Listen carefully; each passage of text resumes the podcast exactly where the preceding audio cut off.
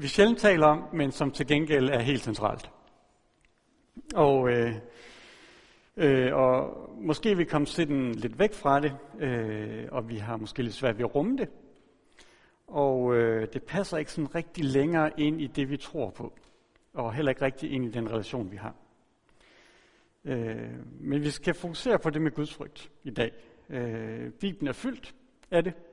Det står nærmest fra start hele vejen til slut. Øh, jeg prøvede sådan løsligt lige at se Nye Testamente. Øh, jeg kunne finde øh, to forfattere, der ikke havde skrevet om Guds frygt. Det var Jakob og Judas, og hvis I slår det op, de er ikke sådan synderligt bløde i sit udtryk i øvrigt, eller sådan, men af en eller anden grund har de ikke berørt Guds frygt.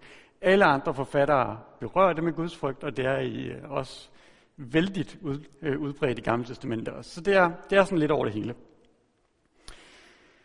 Øh, men vi har sådan lidt glemt det i dag.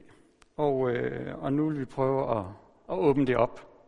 Øh, og jeg må også øh, bekende, at som en del af forberedelsen, så har jeg sikkert også været nødt til at se en art omvendelse i det. Både i forhold til at acceptere, at det rent faktisk står der.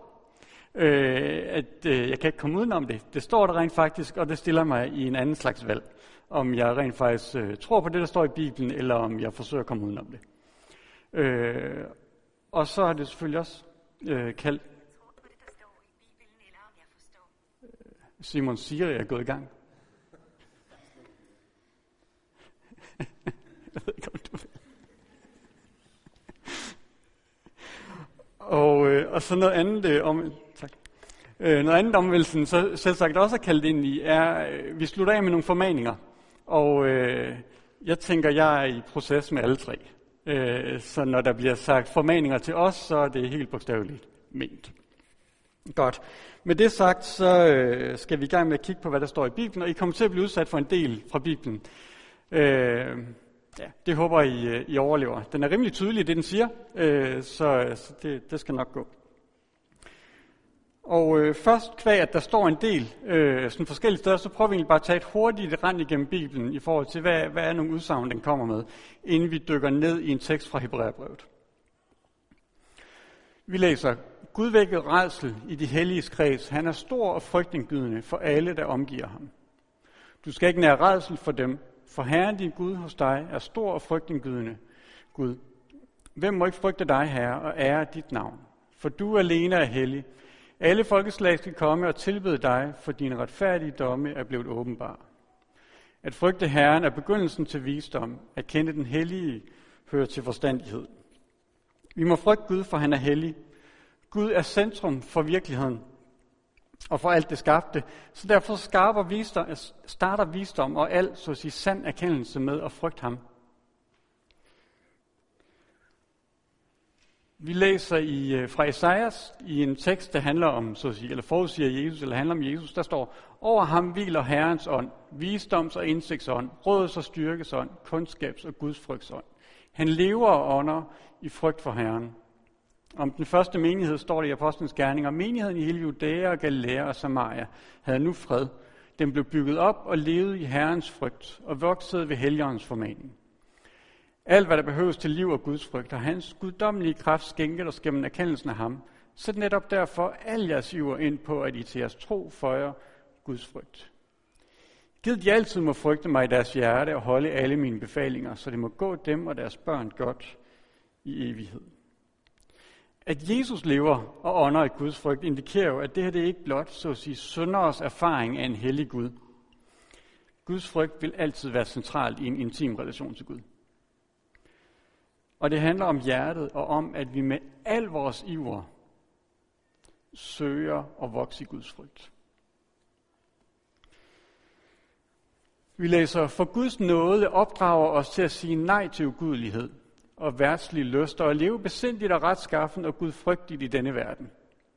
Og når I påkalder ham som fader, der uden at gøre forskel på folk, dømmer enhver efter hans gerning, skal I leve i Guds frygt, så længe I udlændinge her. Da nu alle disse ting må gå i opløsning, hvor helligt og gudfrygtigt bør I da ikke leve. Det er pudsigt, Det er Guds nåde, der opdrager os til Guds frygt. Det er netop hans nåde, der gør det. Frygt ikke, hvad, frygt ikke, hvad de frygter. Nær ingen redsel, men I skal hellige Herren Kristus i jeres hjerte, og altid være redde til forsvar over for enhver, der kræver jer til regnskab.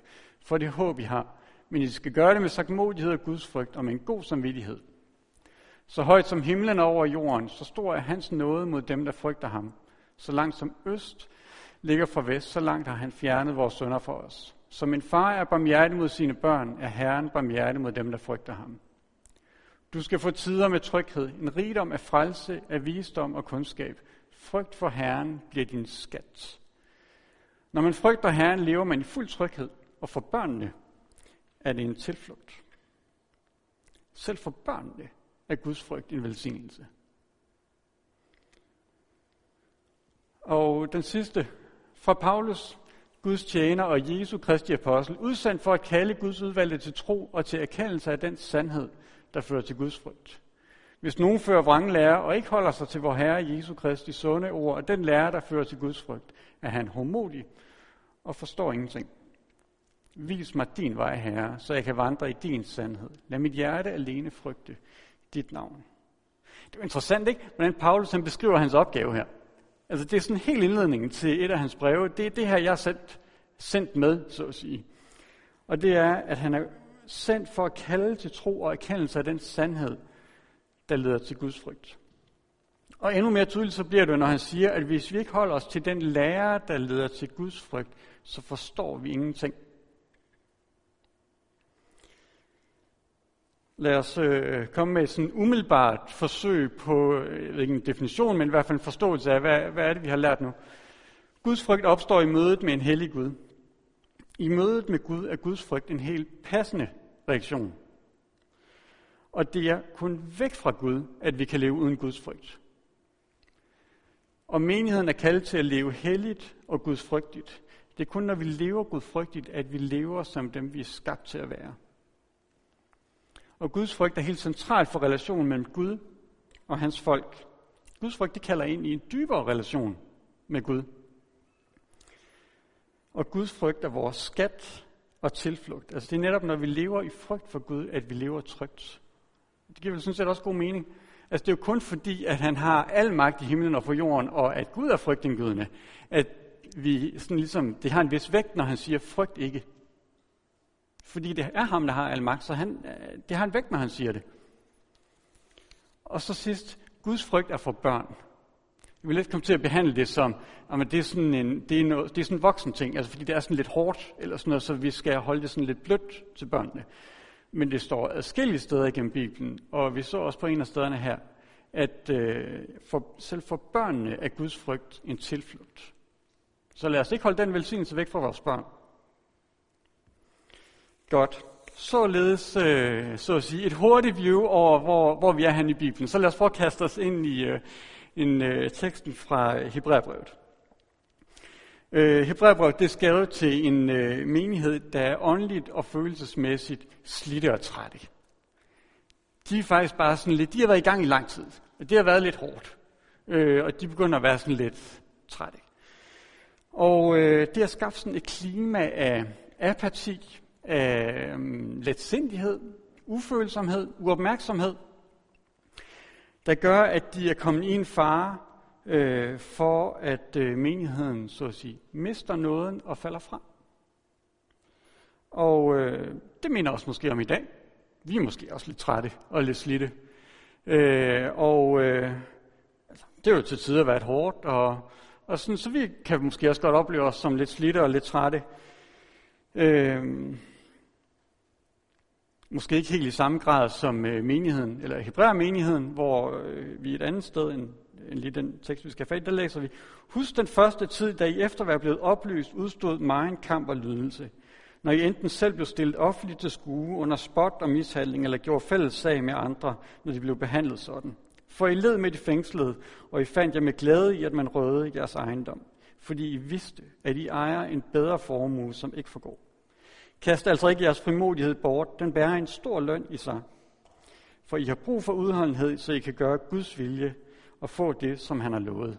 Altså, det her det er jo faktisk en rimelig okay sej menighed, øh, som har kæmpet lidt. Og der, der blev stjålet lidt fra dem og sådan nogle ting. Øh, men selv der, der er et andet sted i Hebræerbrevet, hvor han, hvor han får skrevet til dem, at ja, I har slidt meget, men det har jo ikke kostet blod endnu. Og, sådan, og det kan man sikkert også godt sige om os. Vi har slidt meget, men det har jo altså ikke kostet blod nu. Øh, så men vi godt opleve at slitte, og så kan vi blive sådan lidt ligegyldige, uopmærksomme, lidt sindige. Og til det møder vi så øh, kapitel 12. Og kapitel 12 i Hebræerbrevet er så at sige klimakset for brevet. Både pastoralt og teologisk, alt leder sådan op til, til de her vers. Øh, temaerne i de her vers finder vi adskillige gange i øh, tidligere Hebræerbrevet. Og øh, sektionen fokuserer på de farer, kirken har åbnet sig op for ved at leve skødesløst. Og ved så småt og ringeagte den velsignelse, den nåde, de har fået givet. Og øh, teksten har, strukturen for teksten er, at den starter med nogle vers, hvor der er en formaning, og så er der en, så at sige, hvad er grundlaget, hvad er det for en virkelighed, menigheden lever i, og så kommer der en formaning igen.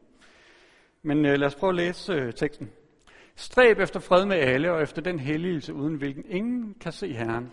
Se til, at ingen går glip af Guds nåde, at ingen bitter skadelig rod får lov at sætte skud. Så mange forgiftes af den, og at ingen er troløs og vandhellig som Esau, der får et eneste måltid mad solgte sin første fødselsret. For I ved, at da han senere ønskede at arve velsignelsen, blev han vraget, og skønt han med tårer søgte at omvende sig, fik han ingen mulighed for det. Det er jo ikke, og her kommer referencen til det, Kristoffer læste fra 2. Mosebog. Det er jo ikke til en håndgribelig brændende ild i kommen, til mulm og mørke og storm, og til en klang af horn, og til en røst, der udtalte sådanne ord, at de, der hørte dem, bad sig fri for at høre mere, fordi de ikke kunne bære befalingen. Selv et dyr, der rører ved bjerget, skal stenes. Og synet var så frygteligt, at Moses sagde, jeg er forfærdet og skælver. Nej, I er kommet til Sions bjerg, til den levende Guds by, det himmelske Jerusalem, til tusinder af engle, en festforsamling og en menighed af førstefødte, som er indskrevet i himlene, og til en dommer, som er alles Gud. Til deres ånder, som er retfærdige og har nået mål, til Jesus og den nye pagts formidler, og til det rensende blod, der taler stærkere end Abel. Sig til, at I ikke bærer jer fri for ham, der taler. For når de ikke slap godt fra at blive så fri for ham, der talte guddomsord på jorden, så kan vi det endnu mindre, hvis vi vender os fra ham, der taler fra himlene. Dengang fik han røsten til at skælve, dengang fik hans røst jorden til at skælve, men nu har han givet et løfte, der lyder endnu en gang, ved at få ikke blot jorden, men også himlen til at skælve. Udtrykket endnu en gang viser, at de ting, som kan rokkes, fordi de er skabt, skal forvandles, for at de ting, som ikke kan rokkes, skal bestå. Lad os derfor takke for, at vi får et rige, der ikke kan rokkes, og med tak tjene Gud, som det er hans vilje, i Guds frygt og ærefrygt. For hvor Gud er en fortærende ild. Det var teksten. Vi vil øh, grave ned i, så at sige, øh, midtersektionen først, for at få kigget på, hvad er virkeligheden, som øh, vi som menighed er, og som vi er blevet vokset, øh, inviteret ind i. Og øh, det handler, altså teksten her viser om, hvad er det, vi som kristne har modtaget os, dermed hvad vi kan miste. Den sammenligner to bjerge, Sinai og Sion. Og, øh, og bjergene illustrerer så at sige den grundlæggende forskel mellem den gamle pagt og den nye pagt, mellem det jøderne har fået og det, som så at sige, der kom med Jesus. Øh, og det handler om at møde Gud. Begge så at sige, bjerge er et udtryk for, at vi møder Gud. Øh, og med Sion, så at sige, den nye pagt, der er vi kommet til en virkelighed, der er langt mere overvældende og langt bedre og langt stærkere. Og når vi kigger på, øh, så at sige, det fra øh, Sinai, altså det til, det til venstre her. Øh, øh Gud var stedet ned på bjerget, og som Kristoffer læste da, i forhold til, hvordan var det så for folket, og øh, at Gud steg på bjerget, og de var i nærheden. Og der, der kunne vi læse, altså at folk lige sagde til ham, du skal tale til os, så lytter vi, men Gud må ikke tale til os, for så dør vi. Og sådan så de beder, ønsker sig fri fra Guds tale, og de ønsker sig på afstand af Gud i den her øh, åbenbaring. Det vi også bemærkede, det var, at, øh, at Moses siger til dem, vær ikke bange, men frygt Gud. Så der er forskel på at være bange og frygt Gud. Men lad os øh, prøve at kigge på Sion. Det er trods alt det, vi er kommet til, som er den større virkelighed. Så hvis det for Sinai det var overvældende, så er det her endnu mere. Øh, men der er forskel, fordi i skarp kontrast til Sinai, så inviterer Sion os til at komme helt tæt på Gud. Der er en kraftig invitation til at komme tæt på ham. Adgangen er åbnet til at leve i hans nærvær. Helt overgivet til ham og uden forbehold. Og der er en festlig atmosfære, hvor så at sige Sinais atmosfære af skræk og gru og mørke er skiftet ud med glæde og fest. Og larmen fra horn og den der røst, som man næsten ikke kunne høre på, var skiftet ud af lyden fra en festforsamling af engle og mennesker. Og den virkelighed, vi er inviteret ind til, kommer med syv billeder. Lad os prøve at kigge på dem øh, et efter et. Til Sions bjerg, til den levende Guds by, det himmelske Jerusalem.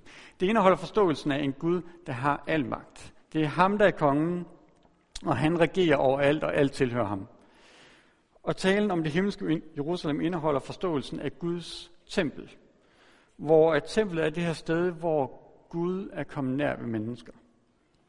Og det næste billede, til tusinder af engle, en festforsamling. Og her er der fest. En fest, hvor både himmel og jord, engle og mennesker deltager. Nu er der ikke længere det her skæld mellem mennesker, der må holde sig på afstand, og så er der det himmelske og noget, der sker på et bjerg. Og sådan noget, nej, nu er vi tæt på hinanden. Og så til en menighed af førstefødte, som er indskrevet i himlene. Og talen om de førstefødte giver tanke på Jesus, der hele vejen igennem Nye Testamentet altså, bliver omtalt som den førstefødte. Øh, og det er os, der er Jesus, og som tilhører ham, der er med i den her festforsamling. Men den første fødte giver også øh, tanke på Esau. Han var også den første fødte. Men han ringede hans velsignelse. Det han havde fået givet, og mistede den. Og det fjerde billede med, at vi er kommet til en dommer, som er alles Gud. Gud har skabt alle, og er alles dommer. Og i Sion er vi kommet til ham, øh, og vi mødes med vores dommer der. Så ja, det er en festforsamling, en festforsamling omkring vores dommer også. Øh, og for den, der har ringeagtet Guds nåde, der er det, som Hebræerbrevet taler om tidligere, det er frygteligt at falde i den levende Guds hænder. Hvorimod for dem, der lever i pakten, der er det en glædelig begivenhed at komme til Sion. Og vi kigger på det femte billede om til deres ånder, som er retfærdige og har nået målet det er så at sige de kristne, der er døde og som har fuldført løbet. Så når vi til det sjette og syvende billede, hvor det tales om til Jesus, den nye pagt formidler. Og de her to billeder, de viser, hvad er fundamentet for, at vi overhovedet kan komme nær tæt på. Og det er det her, der viser os grunden til, at det er sådan en stor fest. Og det, øh, de her to billeder placerer os, så at sige, Guds nærvær ind i, så at sige, frelseshistorien. Altså med, jamen det er ikke ved alle mulige ting, det er kun gennem korset. Og at Jesus han døde der, at vi er kommet tæt på ham. Der, der findes ikke anden vej, der findes ikke anden mulighed. Uanset hvor meget vi forsøger at fortælle os det. Der er kun den vej.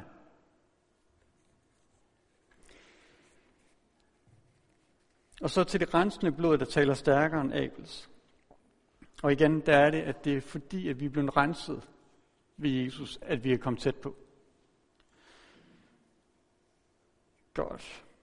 Så teksten viser både, hvilken velsignelse vi som kirke har modtaget. Det er en overvældende virkelighed, øh, som vi knap nok kan forestille os. Øh, og det er en, øh, en gave, der langt overgår det, der var på Sinai, og som langt overgår det, som verden har at tilbyde. Langt overgår det, som verden har at tilbyde. Men de to pakter, de har det til fælles, at Gud er den samme. Både på Sinai og i Sinai, der er det en hellig Gud, vi møder. Og en overvældende Gud. Og så kommer vi til øh, formaningerne i teksten. Det som de vers, som der blev startet med, og det som der sluttede af. Øh, og øh, fordi det her, det er jo, det er jo en stor virkelighed. Øh, og med den store øh, så at sige, virkelighed, privilegierne, velsignelsen, der kommer også et stort kald.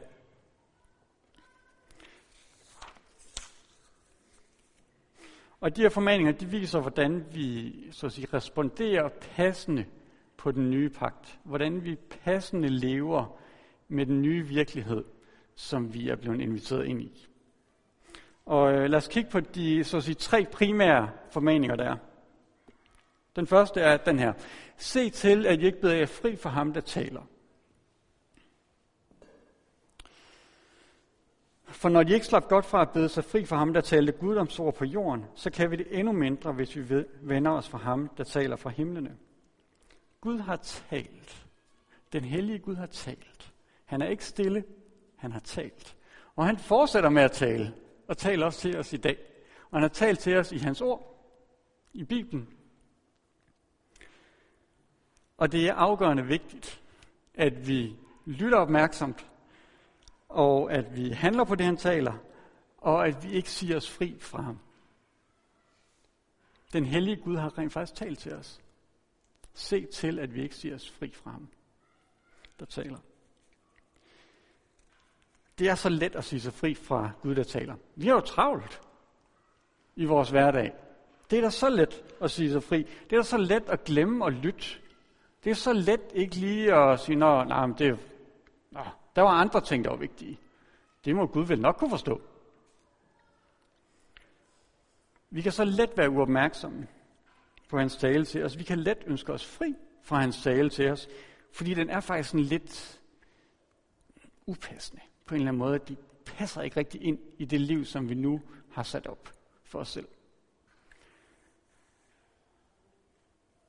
Og så kan vi også lave tricket med sådan lidt stille og vride hans tale, sådan så den passer lidt bedre ind. Så vi lidt bedre ligesom kan øh, stå, det, vi, stå ved det, vi tror over for verden. Den er sådan lidt mere acceptabel på en eller anden måde. Så siger vi også fri fra hans tale til os. Eller vi kan vride hans ord sådan, så den ligesom passer lidt bedre ind i mit liv. Altså sådan, om det kan godt være, at det umiddelbart ser ud til, at det er egentlig det, der står, og det er det, der betyder. Men nu skal du høre, det er faktisk ikke helt det, der står. Det er faktisk lidt noget andet, og det, altså, det kan man nok godt lige let springe over. Øh, så se, se til, at vi ikke ser os fri fra ham, der taler. Den næste formaning. Se til, at ingen går glip af Guds nåde. At ingen bitter skadelig rod får lov at sætte skud, så mange forgiftes af den, og at ingen er troløs og vandhellig som Esau, der for et eneste måltid mad solgte sin første fødselsret. De her vers, de minder om noget fra 5. Mosebog. De har mange af de samme formuleringer og meget af det samme indhold. Hvor der står, der må hos jer ikke være nogen mand eller kvinde, som i dag vender sit hjerte bort fra Herren var Gud, og går hen og dyrker de folks guder. Der må hos jer ikke være nogen rod, der sætter gift eller malurt som frugt. Ingen, der hører ordene i denne edspagt, må velsigne sig selv i sit hjerte og tænke, mig vil det gå godt, selvom jeg vandrer i mit hjertes forståelighed. Herren vil ikke tilgive ham, men Herrens vrede og lidenskab vil flamme op mod den mand. Så hvad kan vi sige om den person, der står i fare for at miste nåden? Vi kan jo i hvert fald sige fra 5. Mosebog, at det er en person, der hører advarslen, men siger i sit hjerte, mig vil det gå godt, selvom jeg fortsætter vandrer i mit hjertes forstokkelighed.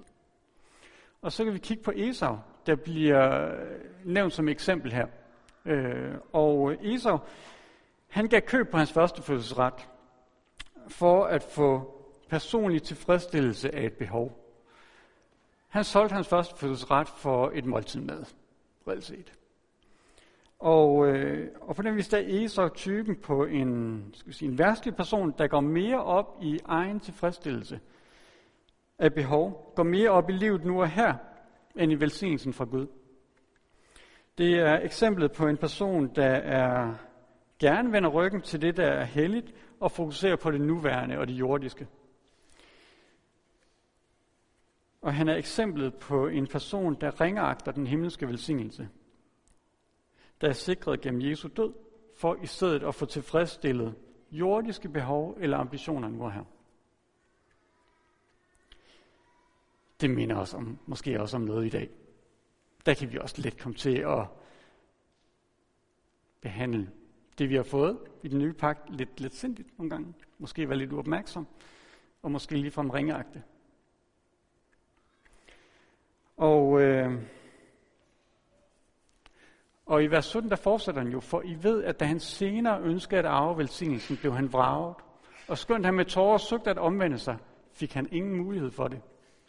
Altså, det er jo svært. Og sådan helt og, altså, øh, at kunne acceptere næsten, at det er det, der står. Øh, hvis det så bare stod i Gamle Testamentet, altså, så havde vi jo ligesom greb til at kunne holde det der. Eller sådan, men nu står det jo rent faktisk i Nye Testamente, og det er ikke det eneste sted, der står det i Nye Testamente. Så lad os i det mindste bare prøve at lytte på det. Altså, hvad er det, der står? Det er en rimelig kraftig advarsel om, at frafald leder til uigenkaldeligt tab. Esau kunne ikke gøre det om. Han søgte at omvende sig, men det var ikke længere muligt.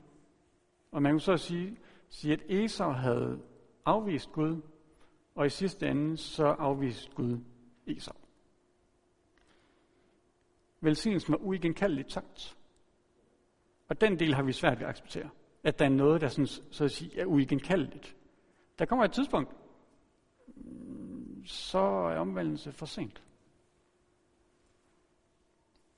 Så det, det er en del af den, så at sige, øh, skal sige formaning eller alvor, som teksten også bringer. Det er at se til, at ingen går glip af Guds nåde. Ja. Lad os tage den sidste formaning. Stræb efter den helligelse, så vi kan se Gud og tjene ham, som han vil det. I vers 14 læser vi, stræb efter fred med alle og efter den helligelse, uden hvilken ingen kan se Gud. Gud er hellig, og vi er gjort hellige ved Jesus. Og kun ved helligelse kan vi se Gud. Kun ved at være hellige kan vi komme tæt på ham. Så lad os stræbe efter den helligelse. Og i vers 28, der læser vi, lad os derfor takke for, at vi får et rige, der ikke kan rokkes, og med tak tjene Gud, som det er hans vilje, i Guds frygt og ærefrygt. Vi takker for, at vi får et rige, der ikke kan rokkes, og vi takker for, at det er os, der får det. Det er en gave til os. Og vi tjener Gud med tak, fordi det er noget, han har gjort. Det er ham, der er banet vejen til det og gjort det muligt. Og vi tjener ham med hele vores liv, fordi at det er ham, der har al magt. Han har det hele. Så derfor så tjener vi ham over det hele. Og så tjener vi ham, som det er hans vilje. Her vælger vi ikke selv, hvordan vi vil tjene ham. Her der må vi tjene Gud, som det er hans vilje. I Guds frygt og ærefrygt. Og frygt er her bedst forstået som frygt, ikke blot som så at sige overvældet af storhed. Det kan vi måske bedst forstå som ærefrygt. Men der er også noget her egentlig, hvor det er mest passende eller præcist egentlig bare at sige, ja, frygt er måske egentlig det rigtige ord, når det kommer til stykket. Fordi der bliver også talt om noget dom, eller det er en kontekst af sådan nogle ting. Og så for hvor Gud er en fortærende ild. Og her møder vi den samme Gud, som vi mødte på Sinai og i Sion. Det er faktisk den samme Gud, vi møder. Han er begge steder en fortærende ild. Og at den fortærende ild understreger, at Gud er hellig, og at han egentlig dømmer synd. Og i sidste ende så er Guds frygt og ærefrygt, det er baseret på, hvem Gud er. Fordi Gud er en fortærende ild, så er det passende at tjene ham på den her måde. Så det er de tre formaninger. Og formaningen, det lyder også til os i dag. Og måske har vi i særlig grad i dag brug for at stoppe op. Og også lige høre den. Så til os, der er trætte og lidt letsindige og skødesløse, der lyder formaningen, se til, at du ikke siger dig fri fra ham, der taler til dig. Og til os, der er, så at sige, hormodigt frikender os selv i hjertet, der lyder formaningen, se til, at du ikke mister noget. Og til os, der længes efter Guds nærvær, der lyder opmundringen stræb efter den helligelse, hvorved vi kan se Gud og tjene ham i Guds frygt og ærefrygt. Det handler om nærvær. Nærvær med Gud. Evigt nærvær også. Men det handler om nærvær. Det handler om at se Gud. Det handler om at fuldføre løbet. Og om at leve i løfterne og om ikke at miste noget. Og det handler om at tjene Gud med alt, hvad vi er og har. Og det handler om at høre Gud, der taler. Men hvor skal vi starte? Nu er vi så sådan, boom! Ikke? Sådan en masse tekster og nogle ting og sager, hvor man tænker, altså, det er jo ikke noget, jeg ligesom har tænkt over. Det er jo ikke noget, jeg har plads til i den måde, jeg ligesom har organiseret min virkelighedsforståelse. Og nu står den så der. Guds frygt. Og jeg har svært ved at sige, at det er kun lige et sted, så det kan jo ikke være. Nej, det stod faktisk lidt over det hele. Og, sådan. og nej, det var sådan et eller andet fuldstændig perifært, eller sådan noget, fordi det vigtige, det er jo relationen til Gud. Nå ja, hov, det var faktisk relationen til Gud, det her, det rent faktisk, faktisk lidt vigtigt. Så hvad gør vi så? Nu er den der. Det er dumt at lukke øjnene, ikke? Så hvad gør vi? Og det er her, hvor at vi øh, må vende os til korset. Det er her, det starter. Og det er her, vi må komme tilbage til. For ligesom at Guds frygt, det begynd, eller Guds frygt er begyndelsen på visdom, så er tilgivelse begyndelsen på Guds frygt. Og på korset, der opdager vi to ting. For det første opdager vi, at Gud er hellig, og at vi er syndere. Og at det ikke er ligegyldigt. Der var rent faktisk noget, der skulle betales. Gud er hellig. Uanset om vi har det godt med eller ej, så bliver han ved med at være hellig. Og det ser vi på korset. Der var noget, der skulle betales. Men vi ser også, at det blev betalt. Så vi ser, at der er rent faktisk adgang nu. I salme 130, der står, øh, men hos dig er der tilgivelse, for at man skal frygte dig. Det er ikke sådan så, at, øh, at vi bliver tilgivet, for at vi ikke længere skal frygte Gud. Det er ikke den måde, den vender. Det er faktisk sådan så, at der er tilgivelse for, at vi skal frygte Gud. Og det giver god mening, ikke? Der er tilgivelse for, at vi kan komme tæt på Gud. For at vi kan komme ind i hans nærvær. For at vi kan komme ind i den hellige Guds nærvær. Og når vi kommer derind, så begynder vi at vokse i Guds frygt. Så vi må starte ved korset, hvis vi er kommet lidt væk fra det med Guds frygt. Vi må starte der, og så må vi lade os lede, hvor end det leder hos Gud. Godt. Skal vi ikke bede? I er velkommen til at rejse op. Herre, tak for, at du er Gud. At du er Frygt din Gud, at du er stor. Du har al magt i himlen og på jorden. Det er dig, der er centrum. Tak for, at du har gjort alt, hvad der står i din store magt, for at vi kan komme nær, uden at det er til fare for os. At du har tilgivet os, at du har renset os, at du inviterer os tæt på. Hjælp os til os at længes efter dig. Længes efter dit, nær, dit nærvær og være modtagelig for dig, når du er tæt på. Amen.